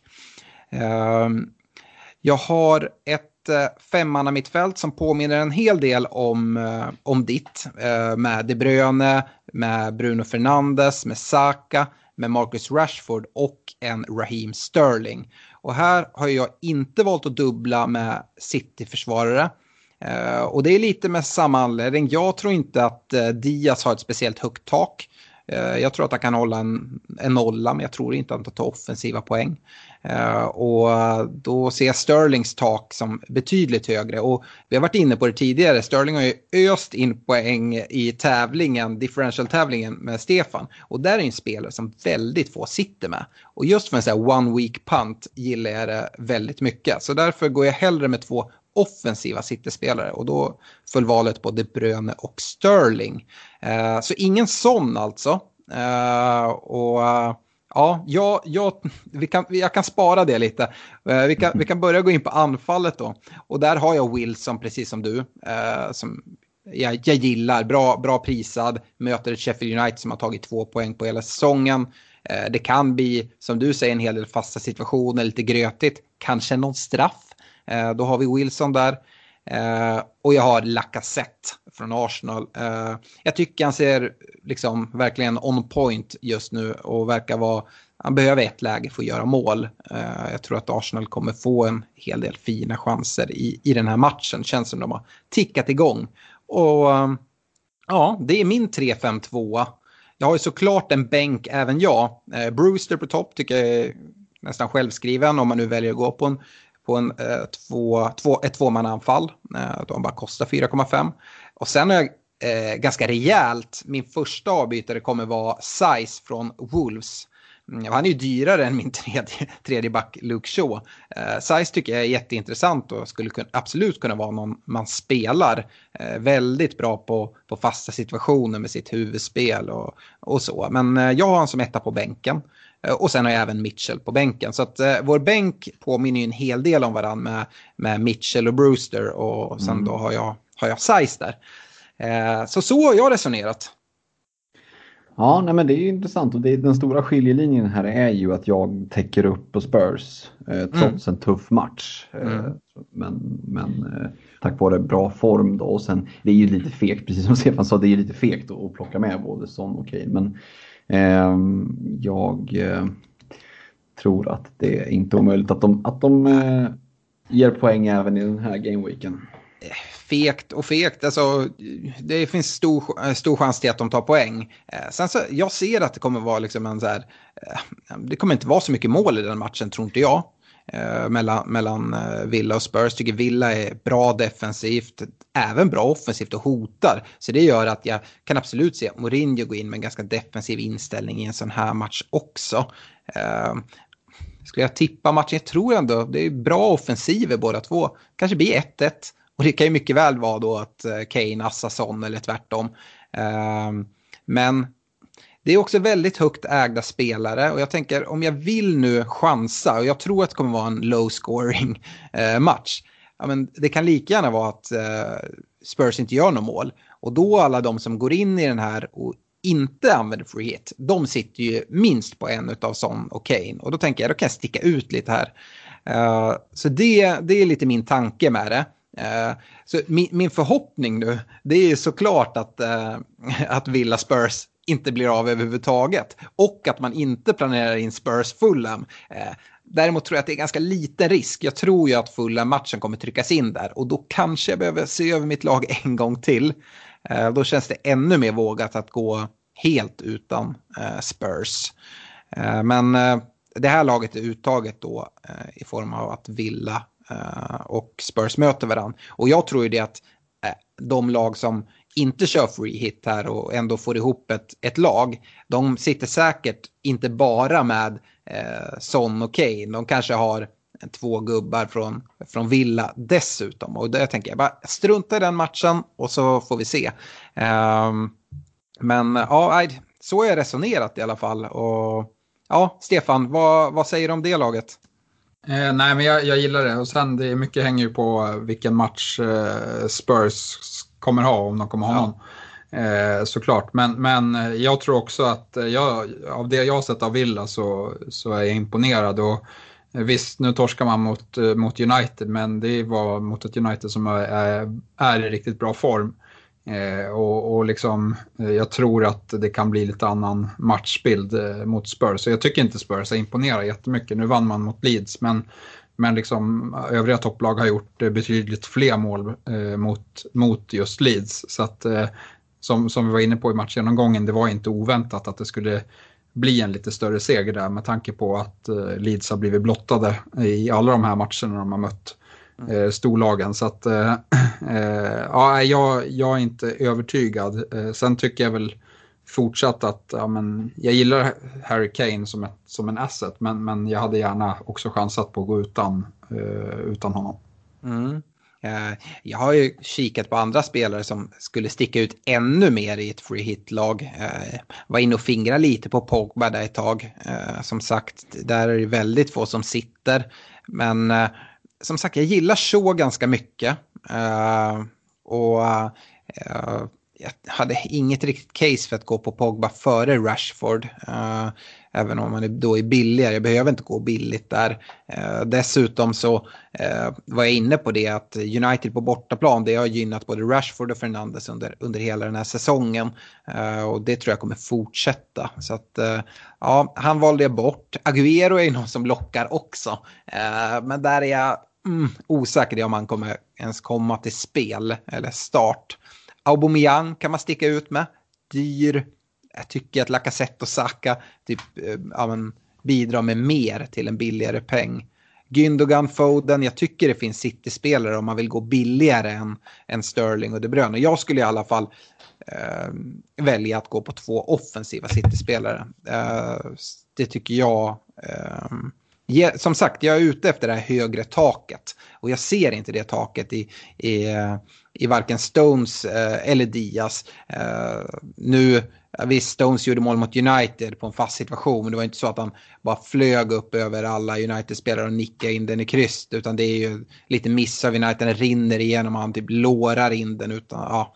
Ah, eh. han, flög, han flög när han virade målet, det syntes ja. att han inte var så van att göra mål. ja, eh, och jag tror att det kommer dröja ett tag innan han gör mål igen. Um, ja, jag tycker sådär, Tierney var en spelare som jag absolut ville ha i mitt lag, precis som Cancelo. Uh, och där, där liksom la jag lite grund. Jag tycker samma De Bruyne och Bruno och även Saka faktiskt var ganska självklara. Uh, precis som Wilson. Uh, skulle gärna haft Kane i det här laget men han kommer inte riktigt in och så tänkte jag att det kan ändå vara värt en chansning. Jag tänker också här, liksom, vi har ju fått en hel del frågor om hur sticker man ut och, och sådär. Och, och ditt lag är ju lite mer edgy än vad mitt är. Mitt är lite mer defensivt spelat om man tänker mm. liksom rent strategiskt. Och eh, utifrån hur man ligger till tänker jag att det kan spegla lite också. Mitt lag har jag ju satt upp väldigt mycket för att skydda en overall rank. Jag vill inte åka på något bakslag mm. eh, där jag drar ett free hit och sen så vinner Spurs med 3-1 eh, borta mot Villa, Kane gör 2 och Son Assar 3 och liksom, mm. ja, den, den fällan som, som jag, eller fällan, men den liksom gropen jag föll i mot Leeds som jag såg komma och som jag ändå körde rakt ner i. Ja. Um, så att utifrån det här med att sticka ut, ja hur mycket vill du sticka ut till att börja med liksom? Det, ja. det är ju lite som att spela på hästar, det är klart du kan spika en chansning, men det, det är också en, en gamble mm. jämfört med att, att um, sträcka en favorit så att säga. Mm, ja, absolut. Vad säger du om en spelare som Luke Shaw som jag brinner ganska hårt för? Eh, ja, men med, med brasklappen där att man inte är helt säker på om han får starta eller inte. Så det är, det är absolut en intressant spelare, kanske inte det. Jag hade nog kanske valt Saiz före, men, men som du säger, statsen finns där och eh, tror man att, eh, att eh, United kommer att hålla nollan, då är det väl en, eh, en intressant spelare att kika mot, med tanke, just med tanke på priset också. Ja, och jag tror ju som sagt, får vi en Tellis start eh, mot eh, Watford i FA-cupen, då ser jag så start som 100% given så länge inte han skadar sig eller drar på sig någon sjukdom. Eh, och det är lite det det hänger på. Eh, men eh, Ja, eh, det är så jag tror att det kommer se ut. Och vi har sett det tidigare från Solskjaer att eh, han, har, han ratear så ganska högt. Och jag tycker så har tagit väl tillvara på, på de chanser han har fått. Han hade det tufft i ligacupsemin eh, mot en Sterling, men vem har inte det? Eh, det kommer inte alls vara samma sak när de, när de möter Burnley här. Så att, ja, det är en sån spelare jag verkligen, verkligen gillar i mitt, mitt free hit-lag.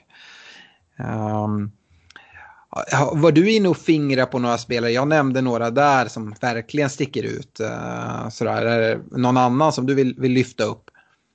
Eh, jag var inne och hade i ett antal av de screenshotsen på Tinkering Teams som jag satt med på telefonen så var Neto med i ganska många. Men lite för komplicerad prisbild på honom för min smak. Och plus att jag är lite avskräckt av Wolves liksom form lagmässigt, att det händer inte tillräckligt mycket eh, över tid. Sådär. Men Neto var ändå någon som jag sneglade mot faktiskt. Men det, det kändes ganska enkelt att liksom ta Saka istället.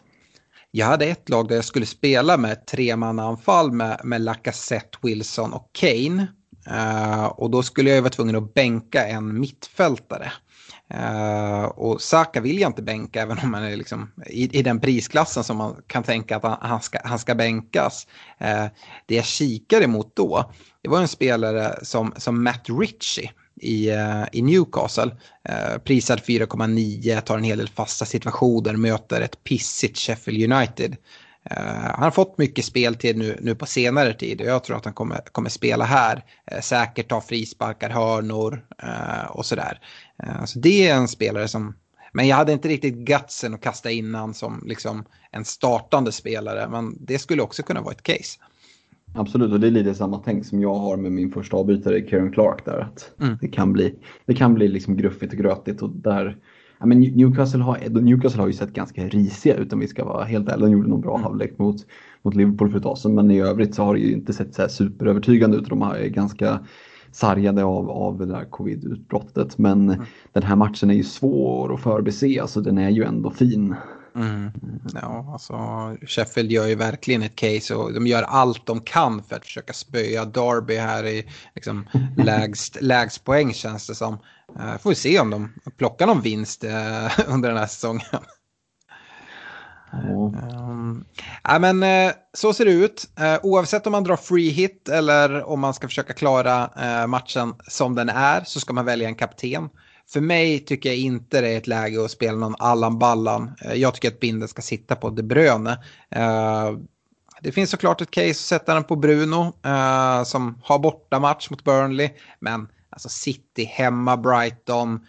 Vi har en viktig defensiv kugge i Bizuma på defensivt mittfält som, som missar den här matchen. Jag, jag kan inte se mig själv och, och sätta binden på någon annan.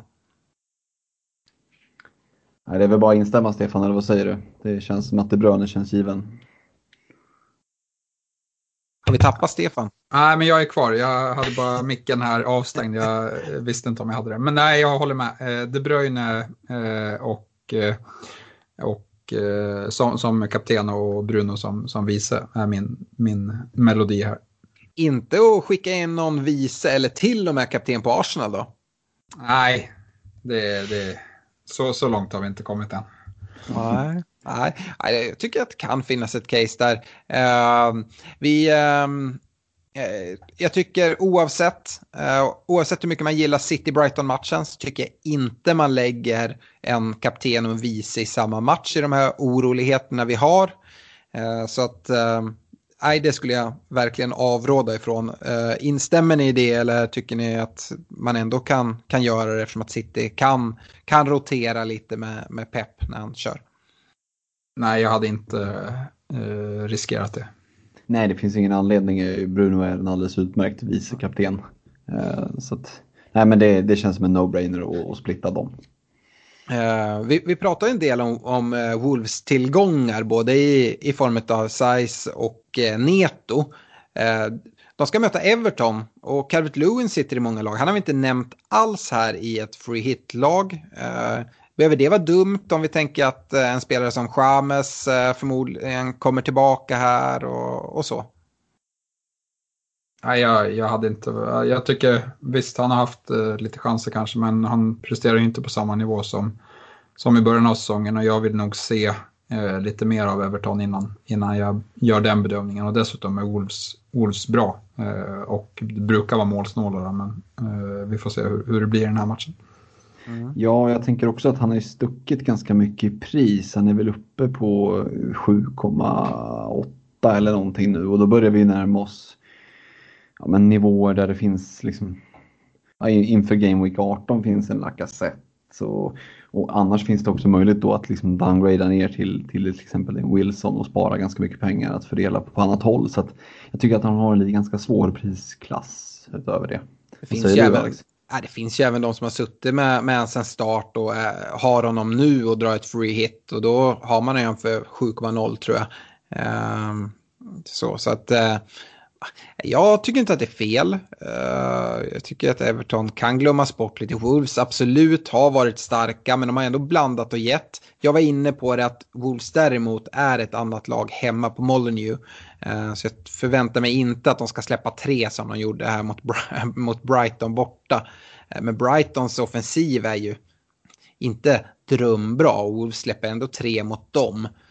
Har haft en del både skador och, och sjukdomar i, i, i, sitt lag. Så att, ja, aj, alltså att Wolves håller nollan ser inte jag på något sätt som, som självklart mot ett ja, men ganska fyndigt eh, Everton, speciellt med Chamez tillbaka. Eh, behöver inte vara fel, jag har inte gått på den vägen och jag har inte haft han och fingrat på när jag har kikat på, på ett free hit-bygge i alla fall. Uh, jag ska säga det att uh, deadline för Game Week 18 är tisdag uh, eftermiddag 17.30. Sheffield Newcastle sparkar igång där vid, vid, vid 19. förhoppningsvis. Vi, vi vet ju inte vad som kommer hända med Game Week 18 och som sagt, jag tycker inte, det finns så många, om man ska dra free hit, finns det många spelare som ändå kan eh, vara möjliggörare som är billiga som ändå kan, kan göra det bra. Så jag tror man kan få ihop ett free hit-lag som är helt okej okay ändå. Så därför rekommenderar jag att hålla på det. Och en av anledningarna är att vi kan inte ens vara helt säkra på att eh, Premier, det kommer komma press på Premier League att ah, nu får ni eh, ställa in. Vi vet att det har kommit Eh, Eh, en, en lockdown i Storbritannien. Eh, däremot så i, i, samma skede så sa de att fotbollen skulle rulla på. Men det är sånt som kan ändras. Det kan gå väldigt, väldigt fort. Så att eh, jag tänker hålla på det eh, långt fram. Dessutom som sagt, det kanske är så att den spelas men att det kommer vara helt, ja men inte lika många lag som spelar eller andra matcher. Vi var inne på det Southampton som eh, skulle spela eh, FA-cup i helgen. Den matchen blir inte av. Eh, kan det vara så att Southampton-match flyttas in till Game Week 18? Ah, jag vet inte, alltså, det är så mycket som kan hända. Uh, så uh, ja, förra avsnittet tror jag vi döpte till avvakta. Jag tycker att det kan få ligga med uh, även här. Ja men precis, ska vi nämna det också att det är väl lottning i FA-cupen på måndag va? Mm. För fjärde och femte rundan. Eh, och där kan vi väl se lite, eh, i och med att det både är fjärde och femte rundan som lottas, som jag inte helt eh, ute och cyklar, så ser vi också vilka som har bra chans att nå den sjätte rundan och den är ju intressant för att eh, når man sjätte rundan så flyttar man väl det, de lagen som når sjätte rundan får sin match i Game Week 29 flyttad förmodligen till Game Week 26. Mm. Eh, utifrån att det är typ den enda gameweeken som det finns plats Eh, vid. Så där kan jag vara eh, läge att hålla lite span på lottningen. Mm, absolut. Eh, vi kanske ska gå över till lite lyssnarfrågor och eh, sen stänga det här avsnittet. Vi har fått in en hel del. Vi har väl avhandlat ganska mycket. Här är ju något du var inne på där Fredrik. Jesper Lövstad skriver när man tjuvkikar på en del free hit-lag på Twitter ser de i stort sett identiska ut. De flesta har ett femmanna mittfält med De Bruyne, Bruno, Saka, Son och Sterling eller Rashford. Samt mm. anfall med Laka och, och Wilson. Eh, så för att sticka ut bland alla free hit-lag, vilken är differential-spelare om ni får välja en? Och vi har väl varit inne på det, alltså att det är man kommer sticka ut med sitt, bench, med sitt free hit-lag tror jag oavsett. Och sen så kan man göra det mer eller mindre. Men även ett uh, så kallat, uh, vad, ska säga, vad ska man säga, uh, ett klassiskt liksom Twitter free hit-lag. Det kommer sticka ut. Så jag tycker inte att man ska kolla allt för mycket på det. Nej, och sen måste jag vet att vi har nämnt det i något avsnitt tidigare också, men det tåls att upprepas. Att huruvida du, så det är inte så vanligt att du sticker ut med en spelare, men det är kombinationerna som sticker ut. Att ha flera spelare kombinerat, det är det väldigt få som har just den kombinationen. Mm. Eh, och sen är det så att, jag menar, om, om väldigt många köper en viss telefon, då är det förmodligen en ganska bra telefon. Om väldigt ja. många har en viss typ av uppsättningsspelare, det är det förmodligen för att det är en ganska bra uppsättning. Mm. Eh, om, det inte, om, du, om du själv har plockat ut ett lag där du känner nu sticker jag ut och du har inte sett någon annan som har det, det finns ingen. Ja, då är du antingen en total maniac eller så är du ett geni. Och gränsen däremellan är hårfin och vi vet väl att de som går och vandrar på gränsen de hamnar ofta på fel sida. Eh, så det behöver inte vara fel att liksom många lag på Twitter ser likadana ut. Var inte oroliga för det. Nej. Eh, Asad Amaya ställer en hel del frågor. Jag tänker vi väljer en. Eh, han funderar på att ta in Stones eller Diaz från City eh, och undrar hur man ska väga dem mot varandra. Eh, Stefan, hur resonerar du här? Jag hade gått för Stones och sparat, alltså man sparar in 800 000 och jag ser han som lika given just nu eh, den här säsongen. Eh, och jag tror att Pep eh, mer eller mindre har, eller han har, liksom hans roulette, Pep roulette har, har minskat i, i, i, kraft och framförallt kanske bland mittbackar. Mm. Uh, jag, jag, jag gillar den. Uh, ska man välja en uh, försvarare från, från City som man kan ställa emot, då är det ju Cancelo. Eh, som kanske inte är lika given, även fast jag tycker att den borde vara det. Men han kommer få någon mer rotation än vad Stones och Diaz får, tror jag. Eh, men eh, just Stones eller Diaz precis som jag var inne på i mitt free hit-lag, jag förväntar mig hållna nollor från dem. Inget mer än så. Det är klart det kan komma något, men jag tycker inte man kan räkna med det. Och då hade jag gått på det billigare valet, precis som, som du är inne på där, Stefan. Ja, men, men jag tror Stones han har spelat mindre minuter men han har, äh, än Diaz, men han har redan tagit mer bonuspoäng än Diaz. Så att han är ju en bättre bonusspelare. Eh, så. Eh, och sen jag tycker också att Cancelo kanske trumfar båda två för att mm. ja, men han spelar liksom 6-7 matcher i, i rad, få en vila och sen, sen kör han 6-7 matcher till. Eh, och under de 6-7 matcherna så, så är, tror jag att han kan ha betalat av det i offensiv utdelning, vilket han har haft ganska otur med och, och inte dragit in nu då. Eh, mm. Så att, eh, nej, han, han gillar jag. Ja. Uh, Fredrik Anton Götesson här, han skriver att han har en full elva med spelare som mm. spelar inför 18, bortsett från Sala och Justin som jag kommer uh, låta sitta kvar i bygget under 18 då båda har dubbel i 19. Min fråga är då, om man nu sitter på någon spelare som inte spelar i Game Week 18, är det värt att ta minus för att få in en spelare som spelar då? Nej, det hade jag inte gjort, inte med så fullt lag. Då hade jag inte tagit några minus. Jag tror att mm Eh, han kommer behöva alla poäng han kan få för det är trots allt som vi var inne på tidigare en, en icke-designad för Game Week 18-11 så att jag hade sparat de mm. fyra minuspoängen. Ja.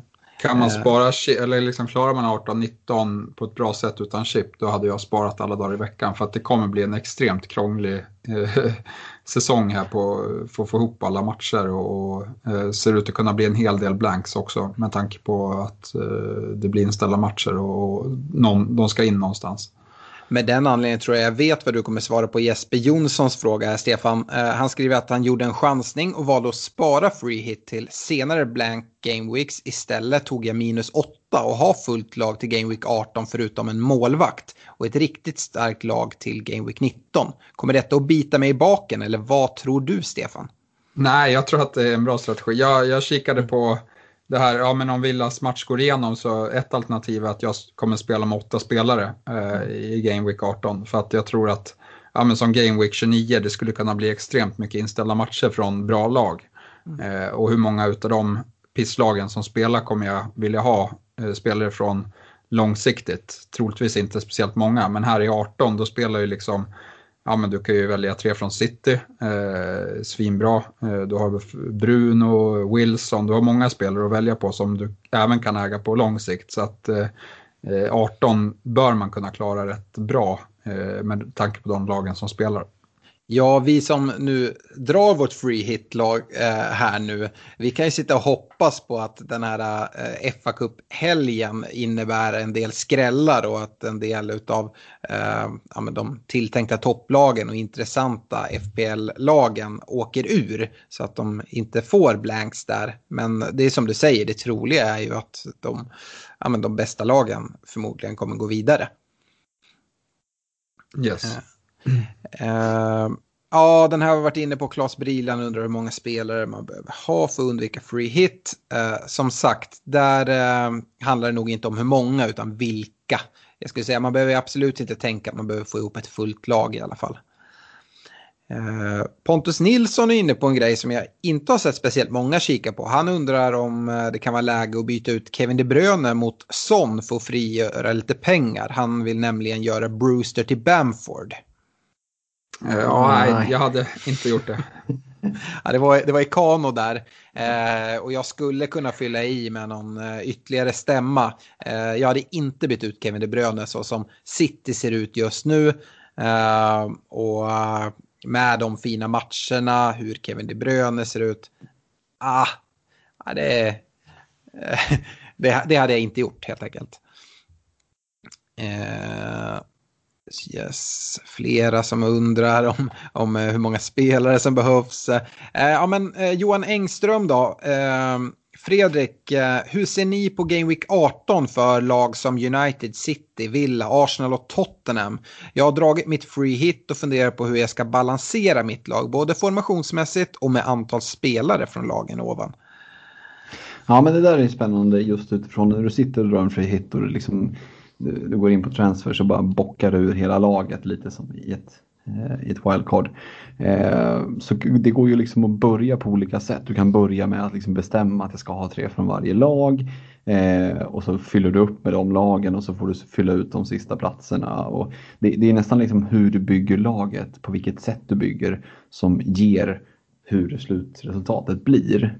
Eh, jag föredrar ju att snarare gå liksom på vilka, vilka enskilda spelare vill jag ha? Känner jag att jag märker, de här kommer jag vilja ha. Jag hade en tre, fyra stycken som inte har lämnat eh, bygget från det att jag började fingra på att ens dra frihet. Mm. Eh, så, så, var det och då var det både premiums och billigare alternativ. Mm. Eh, ska sägas. Eh, som till exempel en Callum Wilson som är en ganska så billig anfallare. Han kändes given att ha i laget. Mm. Men han tillhör ju inte liksom något av topplagen så.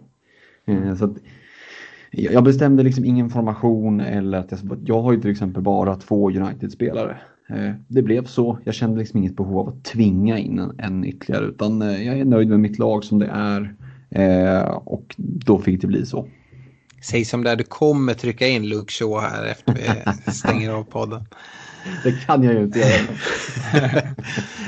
uh, Stefan, eh, jag vet att Fredrik var inne i laggenomgången och sa att man, eh, det är inte läge att lämna Liverpool-spelare. Däremot var ju du inne lite grann på det i ett wildcard-läge. Eh, Henrik Nellö här, han undrar om det är dags att lämna dem. Han sa det, och ja, jag är bitter. Jag har redan bytt bort alla mina Liverpool-spelare. Det gjordes direkt efter förra matchen. Ja. Men du var samtidigt inne på att kanske byta tillbaka dem till 19, i alla fall någon. Ja, någon eh, absolut. Jag tycker som Robertson tycker jag fortsatt ser eh, högintressant. Eh, men, men som sagt, de visar ju absolut inte upp form nu liksom mot Southampton. Jag tyckte de skapade väldigt lite och det har de väl gjort egentligen hela, hela julen här. Jag vet inte vad det beror på. Det kan ju bero på att de har gått på liksom en tunn trupp under en längre tid. Eh, och att det är lite slit, eh, slitna spelare och så. Jag tror Salah, han har väl haft ett skott eh, på mål här på tre omgångar. Så att han gör ju inget skäl för, för den dyra pengen som, som han har. Och det i kombination med, med lite tuffare matcher eh, efter, efter dubben gör liksom att det finns ett case. Samtidigt så har han ju en dubbelomgång. Eh, och, och liksom, det kommer vara högt ägt. Så att det är en stor risk att sitta utan. Men, men liksom, tror man att med på andra lag och spelare så, så tycker jag att det finns ett case. Ja, eh, Fredrik, eh, Robert Jonsson ställer just den frågan. Hur gör man med Sala? Ja, men det, det beror ju till att börja med på, sitter du med De Bruyne eller inte? För gör du inte det, då är det ett ganska enkelt val att plocka in honom. Eh, och sen såklart beroende på om du har tänkt spela chip eller så. Eh, men jag sitter ju med Salah mitt privata. Jag kommer att hålla honom över 19 för att stressa ut honom nu och sen så flyger han i Game Week 19. Gör mål mot United och liksom hattrick mot Burnley. Då kommer man ju aldrig förlåta sig själv. Och jag, jag tycker att det är ett ganska eh, låg riskbeslut att vänta till Game Week 20 med att ta ut honom. Eh, så att jag kommer att hålla honom åtminstone över double game weeken. Ja, jag, jag instämmer där. Jag tycker absolut att det finns läge. Sen så håller jag med. Jag tycker att Kevin De Bruyne bör sitta där och han går före Salah som det är just nu. Uh, men han sitter ganska bra med båda. Uh, och dessutom en Bruno som, som ska in där. Det blir mycket pengar såklart. Uh, yes, uh, Jonas Wallman, Stefan, han vill ha tips på tre spelare som kan rädda hans miniliga. Det vill säga tre spelare som inte alla redan sitter på, oss kan överraska här i Game Week 18 och respektive Game Week 19. Nu vet vi inte hur hans miniliga ser ut, men vi kan väl ändå ha lite, lite, lite tips tänker jag. Ja, men Sterling är väl en sån spelare som, som kan vara en riktig superdifferential. Mm. Eh, det skulle ju kunna vara att man går dubblar upp i, i De Bruyne och Sterling till exempel. Eh, alltså, med kollar man på deras matcher, de har Brighton, Crystal Palace, Villa och Sheffield hemma. Eh, och eh, West Brom och Burnley borta de kommande sex. Eh, så att eh, hur mycket poäng de kan göra är ju liksom skrivet i stjärnorna. Eh, givet att de även visar offensiv form eh, här på, på slutet. Så att eh, jag tror att liksom gå tungt i city, det kommer, eh, liksom folk kommer ta in De Bruyne och, och någon back, men liksom och, och trippla upp där tror jag kan vara en, en fin väg att gå. Eh, sen tror jag även mycket på, på Callum Wilson. Jag, frågan är bara när man ska byta in honom. Eh, men, men som sagt, eh, definitivt från 20 och framåt. Mm. tycker jag han ser högintressant ut. Eh, annars så, liksom, men de flesta sitter väl med West Ham-killar redan, men, men eh, mm, det är också ett lag som känns riktigt intressant här för, för double. Ja. Eh, avslutningsvis, sista frågan kommer till dig Fredrik. Eh, och du hade ju redan med Newcastle-försvarare i ditt free hit-lag, men det kanske var lite kopplat till, eh, eh till budget och sånt. Eh, Christian Olsson undrar vilken den bästa Newcastle-försvararen är att ha i sitt free hit-lag jag tycker att det är eh, Karen Clark och det är just för hans huvudspel och kombinerat då med ett eh, ganska så angenämt pris. Eh, du har ju Federico Fernandez också och jag ligger han på 4,7 det är väl ett par. Han är lite dyrare. Men nej, utifrån som, som vilken match man spelar och ja, men du har ju liksom en Jamal Lewis där som drogs med skada, som inte har liksom fått spela så mycket innan det och inte varit så bra som man kanske trodde att han skulle vara där. Eh, visst, Fabian Schär har varit bra, men nej, för mig är det Kieran Clark som mm. är det givna valet från Newcastle. Mm. Ja, jag, jag, gillar Clark, eh, backar det. Eh, tycker i och för sig att eh, Fabian Schär är en sån där spelare som hi, historiskt har kunnat ta en, en hel del offensiva poäng också. Så att han är ju väl den, den dyraste Newcastle-försvararen tror jag. Mm, 4,9 lägger han på sig. Ja. Um, ja, nej, men det var ungefär det vi hade för den här veckan och som sagt jag tycker att man sitter väldigt lugn i båten, inväntar och ser vad som kommer hända och sen så eh, fattar man sina beslut. Dels efter FA-cupen där vi ser vilka spelare som roteras, kanske får vila lite inför Game Week 18, men även på grund av skador och, och sjuk, eh, sjukdomsutbrott. Eh, det är min stora rekommendation. Jag önskar alla ett stort lycka till inför Game Week 18 och så är vi eh, inom kort tillbaka och ska prata upp Double Game Week 19 som också kommer vara en väldigt intressant eh, Game Week oavsett om du ska spela en bench boost eller hur du ska ta dig igenom den veckan. stort tack för mig och lycka till framöver. Lycka till. Ha det gott. Ciao.